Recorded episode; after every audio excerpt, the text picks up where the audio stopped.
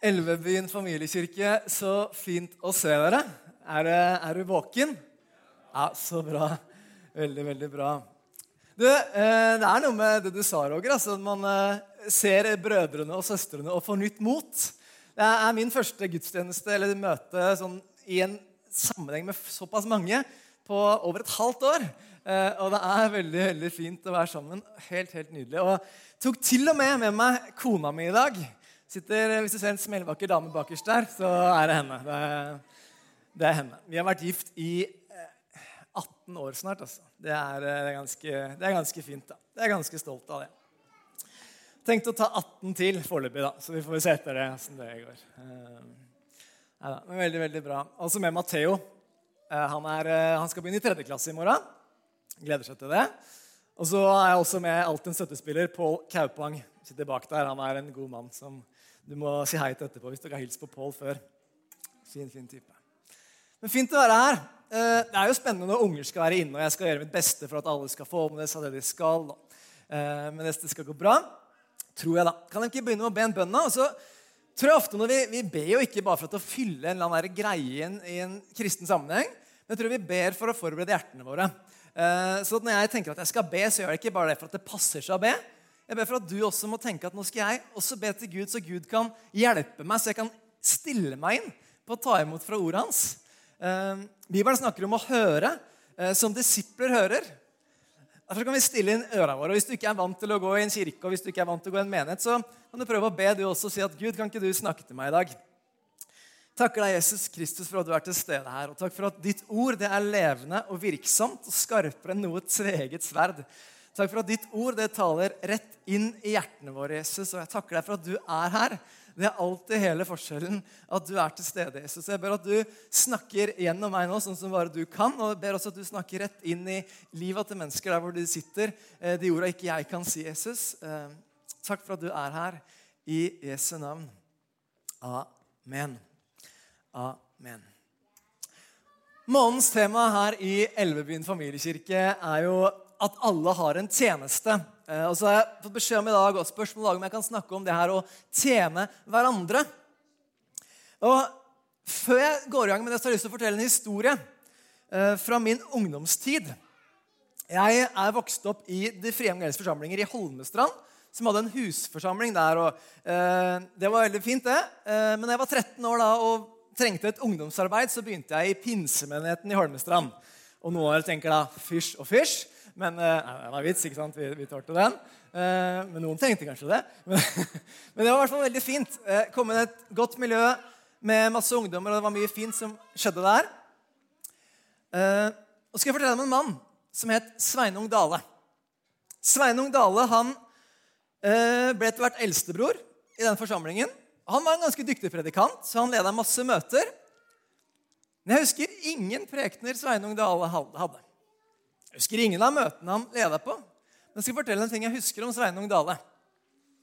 Det var at vi, eh, etter hvert når jeg var kanskje sånn 16-17 år gammel, så starta vi noe som het Mamma kafé. Det var en kristen ungdomskafé eh, som vi ønska skulle være utadretta, et tilbud til byen vår. Eh, og etter hvert så begynte det å komme mange ungdommer. Eh, kanskje litt for mange ungdommer. Eh, og etter hvert så var det noen ungdommer som begynte å komme som til og med var fulle.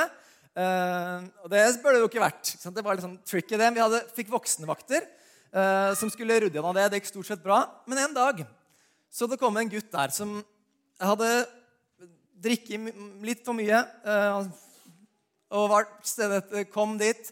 Fikk ikke lov å komme, egentlig. Men ender opp med å kaste opp inne på menighetslokalet. Masse greier, og det ble litt kaos rundt det. Det som gjorde inntrykk på meg da, var at Sveinung Dale han var eldstebror og predikant. Han bøyer seg ned, og så vasker han opp oppkastet, tar seg denne gutten og kjører gutten hjem og hjelper denne gutten. Jeg husker ingenting egentlig av Sveinung Dales prekener, men jeg husker det han gjorde der. Og det lærte meg en viktig lekse. At lite preker mer enn kjærlighet i praksis. Jeg kan si så mye fint jeg vil her. og eh, Jeg har holdt en del prekener her faktisk to siste åra. Jeg er ikke sikkert du husker så mye av dem. Kanskje noen husker noe innimellom. Men det som jeg tror kanskje kan gjøre inntrykk på deg når du ser noen mennesker gjør noe, strekker seg mer enn det som kanskje er forventa av dem. Det var ikke forventa at Sveinung Dale skulle bøye seg ned der og i søla med denne unge gutten som hadde gjort noe dumt, men han gjorde det. For lite prekte mer til meg enn kjærlighet i praksis. Å tjene hverandre. Jeg tror å tjene er å vise kjærlighet i praksis. Kunne sikkert snakka masse definisjoner av hva det er å tjene, hva det er å ha en tjeneste.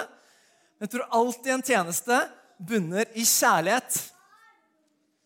Vi skal lese noen vers sammen fra 1. Korinterne 12. Der skriver Paulus om eh, kirken, egentlig, om menigheten. Så står det i 1. Korinterne 12 og vers 12. Så skal vi lese ganske mange vers, så vi får henge med 12 til og med 27. Så det, det tror jeg vi skal klare, da. Slik kroppen er én, selv om den har mange lemmer, og alle lemmene utgjør én kropp, enda de er mange, slik er det også med Kristus. For med én ånd ble vi alle døpt til å være én kropp, enten vi er jøder eller grekere, slaver eller frie, og alle fikk vi én ånd å drikke. For kroppen består ikke av én kroppsdel, men av mange. Det hadde vært rart hvis det bare var én kroppsdel. Kan også barna være enige hvis det bare var altså bare hodet. Det hadde vært interessant hvordan mennesket hadde vært da. Men uh, her står det da videre. Uh, for kroppen består ikke bare av én kroppsdel, men av mange. Om når foten sier 'fordi jeg ikke er hånd, hører jeg ikke med til kroppen', så er den like fullt en del av den. Om øret sier 'fordi jeg ikke er øye, hører jeg ikke med til kroppen', så er det like fullt en del av den. Hvis hele kroppen var øye Svært øye, det har vært morsomt, det òg. Men hvor ble det da hørselen? Hvis det, eh, hvis det hele var hørsel, hvor ble det da luktesansen? Men nå har Gud gitt hver enkelt lem sin plass på kroppen slik han ville det. Hvis det var én kroppsdel, hvor ble det da av kroppen? Men nå er det mange kroppsdeler, men bare én kropp. Altså, Paulus han maler det ganske nøye for oss. Han sier det er ikke bare et hode, det er ikke bare et øye, det er ikke bare et hørsel, det er ikke bare fragmenterte ting, men det er en hel kropp som er satt sammen. Men nå er det mange kroppsdeler, men bare én kropp. Øyet kan ikke si til hånden 'Jeg trenger deg ikke', eller hodet til føttene 'Jeg har ikke bruk for dere'. Tvert imot. De delene av kroppen som synes å være svakest, nettopp de er nødvendige. De kroppsdelene som vi syns er mindre ære verdt, dem gir vi desto større ære. Og de delene vi føler skam ved, kler vi desto mer sømmelig. Alle de andre trenger det ikke. Men nå har Gud satt sammen kroppen slik at det som mangler ære, får mye ære for at det ikke skal bli splittelse i kroppen, men alle lemmene har samme omsorg for hverandre. Nesten ferdig med å lese. For om ett lem lider, lider alle de andre med. Om ett lem blir hedret, gleder alle de andre seg. Dere er Kristi kropp, og hver av dere et lem på han. Dere er Kristi kropp. Du og jeg er kroppen til Jesus. Og hver for oss er vi ulike deler av den kroppen. Så når Paulus sammenligner kirken og menigheten med en kropp, og så sier at jeg er en lem, jeg er en del, så stiller i hvert fall jeg meg spørsmålet ok, hvilken del er egentlig jeg. da? Det er tydelig at Jesus sier at han er hodet. Ok, Men hvilken del er jeg? Hvor passer jeg inn i det bildet her? Og veldig veldig mange mennesker spør dem, hvor passer meg inn? Hva er mitt kall? Hva er min oppgave? Hva er min tjeneste? Jeg veit kanskje at jeg er Men hva er min tjeneste? Jeg kan ikke svare på hva som er din tjeneste. Naturlig nok ikke. Men jeg veit én ting. Du trengs på kroppen. Denne kroppen her, denne delen av Guds menighet, trenger deg. Den trenger det lemmet, den delen du er, den oppgaven du skal være med å utføre. Øyet kan ikke si til hånda 'Jeg trenger deg ikke', eller hodet til føttene 'Jeg har ikke bruk for dere'. Tvert imot, de delene av kroppen som synes å være svakest, nettopp de er nødvendige. Hvis du tenker at vet du hva, 'jeg trengs ikke her', nettopp du er nødvendig. Nettopp du behøves det å være til stede her. Så vi er kalt til å tjene hverandre på en eller annen måte, for kroppen tjener seg sjøl. Hvordan kroppen funker, så tjener den seg sjøl, og vi er kalt til å tjene hverandre. Så hvordan kan jeg egentlig da finne ut hvilken lem jeg er? Hvordan, hvordan kan jeg gjøre det? Og jeg har lyst til at vi skal gå to år tilbake i tid. Da prekte jeg her for første gang på en søndag. Eh, og jeg prekte en tekst om Moses. Og jeg vet at flere av dere har sagt til meg etterpå at den prekena husker jeg, Arild. Kanskje det var første gang jeg prekte her, og da var det lett å huske det. Men når jeg fikk vite at dette temaet skulle være å tjene hverandre, så dukka det en setning opp i hodet mitt Og det var tittelen på den prekena jeg holdt her for to år siden. Jeg skal ikke holde hele den igjen, så slapp av dere som kan den utenat. Men tittelen var 'Hva har du i handa?' For i andre Mosebok kapittel 4 så får vi lese om Moses. Moses var en israelitt som fikk vokse opp i faraos hus. Eh, nærmest som sønn til farao, i hvert fall han, som sønn til datteren til farao. Han fikk vokse opp der, og det skjer jo ting som, Hvis du kjenner historien godt, så ender det opp med at, at Moses flykter ut i ødemarken fordi han, eh, han har gjort noe dumt. Han har, han har, drept en felles egypter og forskjellige greier, så han flykter av gårde. Mens han har flykta langt av gårde, så plutselig begynner Gud å kalle på ham og sier, 'Moses, du skal lede folket mitt ut av Egypt, ut av slaveriet.' Og Da sier Moses det som jeg sier noen ganger. Jeg tipper du sier noen ganger òg. Hvem er jeg? Hvem er vel jeg da som skal bety en forskjell for noen mennesker? Hvem er vel jeg? Gang på gang så prøver Moses hvem er jeg, Gud? Hvem, hvem, er vel jeg? Hvorfor skal jeg gjøre noe? Nå skal vi lese sammen noen få vers fra andre Mosebok, kapittel 4, vers 2-7. Moses svarte. Andre Mosebok 4, vers 2-7. Men sett at de ikke tror meg og ikke hører på meg, men sier, 'Herren har ikke vist seg for deg.' Herren sa til ham, 'Hva har du i hånden?' En stav, svarte han. 'Kast den på jorden', sa han. Og Moses kastet den på jorden. Da ble staven til en slange. Sprø saker. Og Moses flyktet for den. Herren satte Moses, rekke ut hånden og grip den i halen.' Så rakte han ut hånden og grep den, og den ble til en stav i hånden hans. Herren sa til ham, 'Hva har du i hånda?' Jeg tror Gud minna meg på igjen den setningen her for å minne deg på det her. Hva har du i hånda di? Det er ikke sikkert at du syns det ser så veldig flott ut. Det er ikke sikkert at du tenker at du nødvendigvis har fått noe spesielt. Men vet du hva? Hva har du i hånda di? Jeg skal love deg, En stav er ikke så veldig spesielt. altså. Hvis Gud kunne bruke staven til Moses, så har du noe han kan bruke. Så hva har du i hånda di? Du og jeg er ikke nødvendigvis kalt til det samme. Vi er ikke kalt til å være de samme lemmene, men vi er kalt til å gi Gud det vi har i hånda vår. Vi er kalt til å bruke det Gud har gitt oss i våre hender, til å utfylle vår del på den kroppen her, på Guds menighet på jorda. Jeg tror det er et spørsmål som dette handler om for Moses, og det handler om for deg og meg. Er jeg egentlig villig? Er jeg villig til å bruke det jeg har i handa mi? Er jeg villig til å gjøre det som Gud ønsker at jeg skal gjøre? Mange av dere har kanskje hørt om Reinhard Bunke, som er mange snakker om som en av våre tids største evangelister, som har hatt eh, forskjellige korstog for millioner tror jeg, mennesker på det meste. I hvert fall hundretusener som som har hørt evangeliet gjennom Reinhard Bunke. han fortalte en gang at uh, han sa til Gud, 'Hvorfor Gud? Hvorfor valgte du meg til denne tjenesten?' Og så sier han humoristisk at Gud sa til ham, Reinhardt, jeg spurte sju stykker før deg, men alle sa nei. Så så spesielt følte Reinhardt for da. Vet du hva? Hva har du i hånda di? Hvis du og jeg egentlig er villig, så tror jeg det er kanskje en ting som i hvert fall holder meg tilbake, som kanskje holder deg tilbake, og det er sammenligning. Jeg kan være villig, jeg kan ønske, jeg kan drømme, men så kan jeg kjenne at ah, Se på meg, da. Se hva er det jeg har. Men kan ikke bare Roger gjøre det, for Roger er jo så mye flinkere. Kan ikke bare han ta den oppgaven, for hun, han er så mye flinkere. Kan ikke hun bare gjøre det? Og Jeg elsker et, et sitat om dette som jeg har delt med dere før, men jeg repeterer det igjen, for jeg synes det er så, så bra, om en som heter Craig Rochelle, som sier om sammenligning.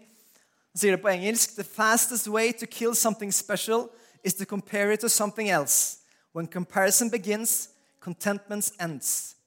Den raskeste måten å drepe noe spesielt på er å sammenligne det med noe annet. Hvor sammenligning begynner, stopper tilfredsstillelse. Vet Du hva? Du og jeg vi må kutte ut og sammenligne oss med folk rundt oss. Vi må kutte ut og sammenligne og sjekke hva er det han har i handa, hva er det hun har i sine hender. Men tenk, hva er det Gud har lagt i mine hender?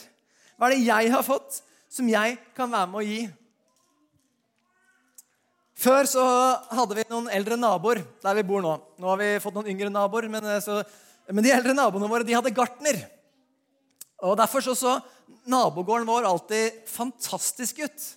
Eh, det var alltid nyklipt gress. Det var alltid roser, og bedene var alltid perfekt.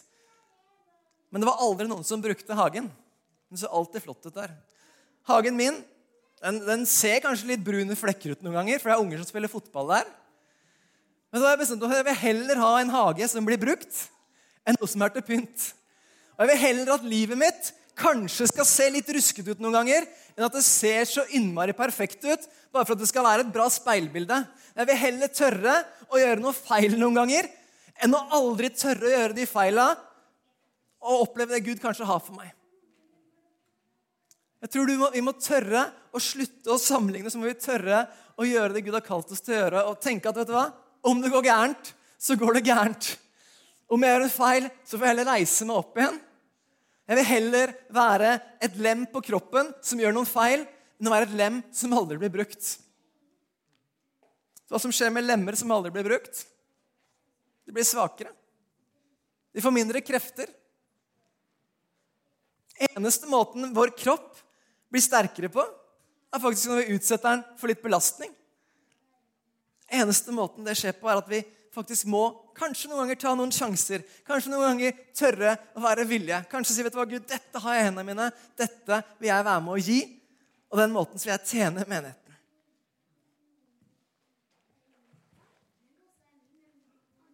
Så tror jeg vi venter på at Gud skal gi oss noe spesielt. Men jeg har lyst til at Vi skal lese en, en kjent bibelhistorie sammen også fra Johannes 6. Johannes 6, kapittel 2 til og med 13. Står det følgende. Johannes 6, evangelium 6, kapittel 2. En stor folkemengde fulgte etter ham fordi de så tegnene han gjorde da han helbredet syke. Jesus gikk opp i fjellet, og der satte han seg sammen med disiplene sine. Påsken, jødenes høytid, var nær. Jesus løftet blikket og så at en stor folkemengde kom til ham. Egentlig så tror jeg han ikke trengte å løfte blikket, for jeg tipper han hørte det. for det var ganske mange. Eh, det har du kanskje ikke tenkt på før. men Han hørte dem sikkert da. Han sa da til Philip, 'Hvor skal vi kjøpe brød så alle disse kan få noe å spise?' Dette sa han for å prøve han, for han selv visste hva han ville gjøre. Philip svarte, 'Brød for 200 denarer er ikke nok til hver en, en av dem kan få et lite stykke engang.' En annen av disiplene, Andreas, bror til Simon Peter, sa da til ham, «Eh, 'Det er et barn her som har fem byggbrød og to fisker.' Men hva er det til så mange? Jeg tipper at Peter var litt sånn herre Jesus, jeg har funnet en gutt, han har fem brød og to fisker. Men det er vel ingenting, egentlig, det, Jesus. Men det var det jeg fant. Da sa Jesus, 'La folket sette seg.' Det var mye gress på stedet, og de satte seg ned. Det var omkring 5000 menn. Da tok Jesus brødene, ba takkebønnene og delte ut til dem som satt der. På samme måte delte han ut av fiskene så mye de ville ha. Da de ble mette, sa han til disiplene.: Samle sammen stykkene som er til overs, slik at ikke noe går til spille. De gjorde det, og etter måltidet fylte de tolv kurver med stykker som var blitt igjen av de fem byggbrødene. Da pleier jeg alltid å bemerke at det var veldig bra gjort av Gud at det bare var byggbrød igjen, og ikke fisk. for det var veldig ekkelt med masse fisk til overs der etterpå. Så veldig glad for at det var bare brød igjen der. Det er litt enklere å forholde seg til i varmen. Men det du og jeg har, det kan se ut som lite noen ganger. Det kan se ut som at det ikke ser så voldsomt Det kan se ut som en stav. Det kan se ut som, som fem brød og to fisker til 5000. Det kan se ut som et, et menighetslokale som, som kan romme et par hundre stykker til en by hvor det bor 65 000. Men folkens, vi ikke tørre å si Gud, hva har du for oss? Hva har du for vår menighet? Hva kan vi bety for denne byen? her? Hva er det vi har i hendene våre? Jeg elsker at dere nå fortsetter å se framover. Elsker at dere nå har tenkt at du, nå må vi øke noen stillinger, vi må øke staben vår for å gjøre klar for framtida. For det er det dere har i hendene deres. Og så gjør dere noe med det. Jeg elsker det. I flere av evangeliene så forteller Jesus en lignelse om noen talenter som en herre har gitt noen tjenere for at de skal forvalte de her. De tre tjenerne får ulike mengder talenter. og Du kan veldig gjerne lese hele lignelsen. Jeg skal bare ta ut et poeng i dag fra Matteus 25. Der kan du lese hele lignelsen hjemme.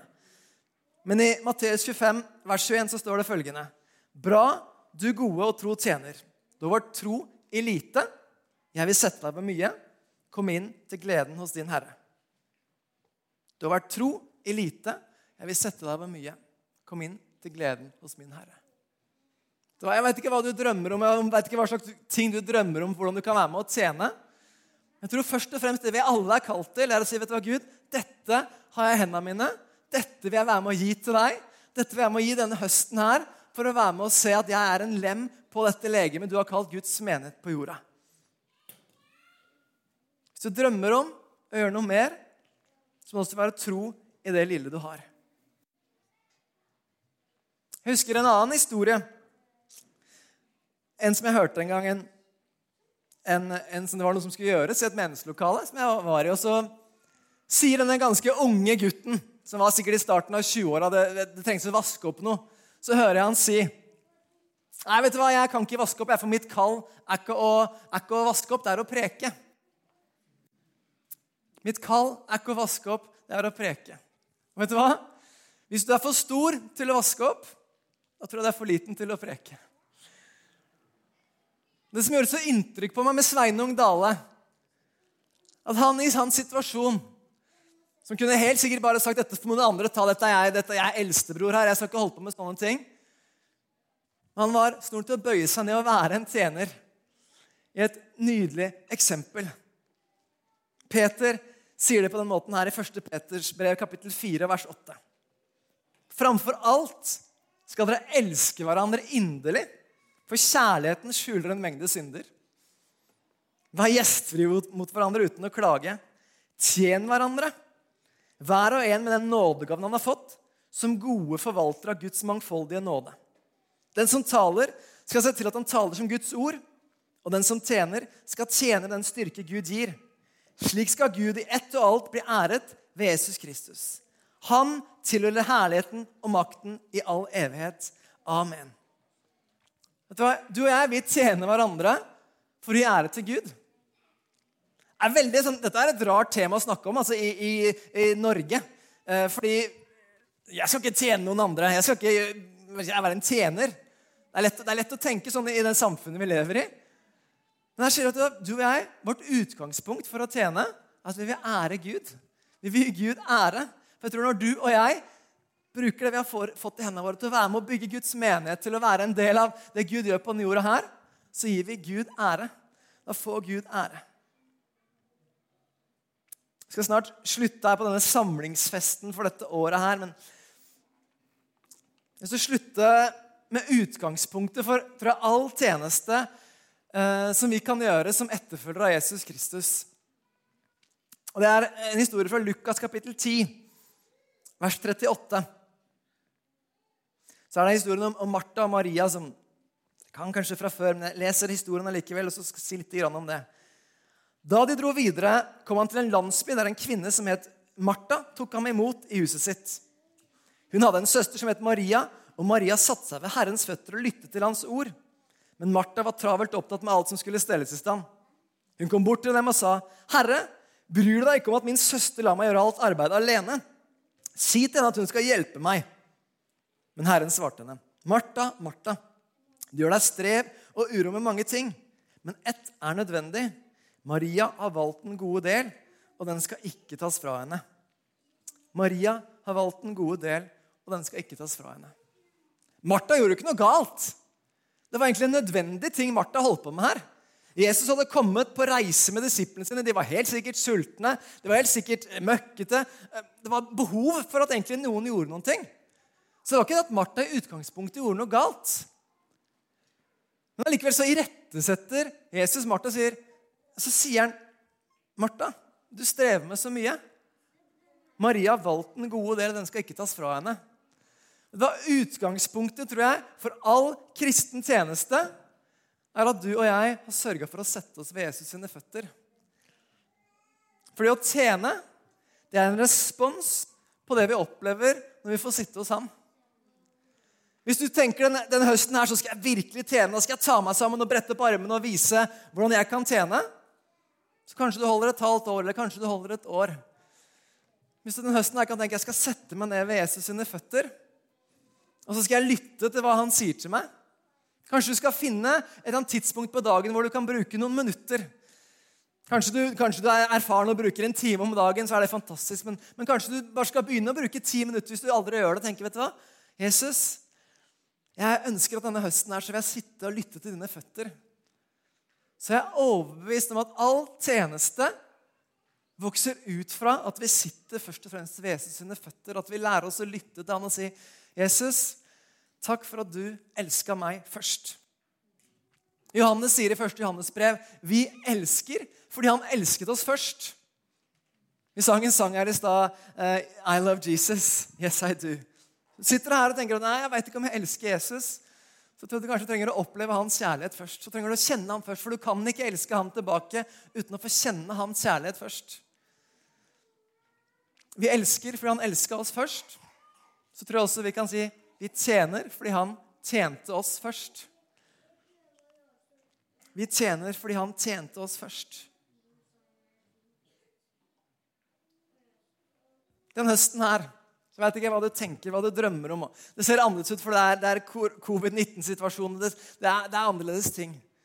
Men kan du ikke sørge for en ting, å sette deg ned ved Jesus sine føtter og så kan du si til Jesus vet du hva, Jeg vet ikke engang hva jeg har i hendene mine, Jesus, men jeg vil bli villig. Jeg ønsker å være villig. Jeg ønsker å være en del av den kroppen som du har på den jorda her, og utføre de oppgavene som jeg er satt til å gjøre. For du trengs. Dine hender, dine føtter, de trengs. Men vi trenger først og fremst å sette oss ned ved Jesus sine føtter. Så i dag så inviterer Jesus deg til hans føtter. Til en relasjon til ham, til å lytte til ham, til å høre hans stemme. Jeg har lyst til at vi helt til avslutningsvis i hvert fall det jeg skal be sammen. Jeg har lyst til å be for oss, lyst til å be for byen vår. Lyst til at kan, Du kanskje kan tenke på noen i familie eller venner som du kjenner som ennå ikke tror på Jesus, som, som trenger å se hvem han er vi kan be for sammen. Kanskje det, det, er det du gjør den høsten, her, at du begynner å be spesielt for noen som du tenker at de trenger å oppleve Guds kjærlighet. De trenger å få se hvem Jesus er. Kanskje det er det som du har i hendene denne høsten her. Og så kan vi ikke lukke øynene våre. Hvis det er ting som du ønsker at vi skal be for, så, så kan du gjerne rekke opp en hånd, og så veit Gud hva du har på hjertet ditt. Eh, veit hva du trenger formen for. Og så ber vi sammen. Eh, Gud kan røre deg akkurat der hvor du sitter. Eh, så ber vi en bønn. nå. så skal sikkert eh, Kontakt spille mer sammen med oss etterpå. Eh, jeg ber en bønn, og så sitter du der. og Hvis andre føler for å be høyt, så er det sikkert mulighet for å gjøre det også. Jesus Kristus, jeg takker deg for at du er her. Takk for din ufattelige nåde. At du elska oss først. Takk for at du elsker hver eneste en i dette rommet her. Du elsker hver eneste en i denne byen her, Jesus. At du var villig til å dø for hver eneste en. Takk for at du kaller oss først og fremst til å sitte ved dine føtter. Men takk at Når vi har sittet ved dine føtter, så tror jeg det vokser fram en respons på at vi ønsker å være med å tjene deg, Jesus. Vi ønsker å være med å tjene ditt hus, være med, å være med å tjene ditt rike, sånn at enda flere kan få kjenne deg og oppleve hvem du er, Jesus. Be for denne høsten her at vi alle skal sette oss ned ved dine føtter. For at du hjelper oss med det, Jesus, å sette oss ned ved dine føtter og lytte til deg. Lytte til hva du har for oss. Takk for at du er så full av kjærlighet, full av godhet. Takk for denne byen som vi bor i. Vi ber om at mennesker i denne byen skal se hvem du er. Takk for den rollen som, som Elvebyen familiekirke skal få spille i, i, din menighet i denne byen. Jesus. Takk for de menneskene skal få oppleve å komme hjem hit når de får komme hit og få høre om deg og få kjenne deg. Takk for alle de gavene og talentene som fins rundt omkring i hender her, som er uforløst. og i Jesu navn så ber vi om at, at, ting skal forløses gjennom høsten. At folk skal uh, være villige til å gi det de har i hendene sine, til deg, Jesus. Takk at du kom for å, la, uh, for å tjene. Uh, på samme måte så kan vi også være med å tjene hverandre, være med å bygge opp hverandre, være med å heie på hverandre. Og takk at kjærligheten den skjuler en mengde synder, Jesus. Takk for at du er her. Takk at du kjenner hjertene våre, du kjenner livet vårt, og du veit alt hva vi trenger. Vi gir deg all ære for hva du skal gjøre denne høsten. I Jesu navn. Amen. Amen.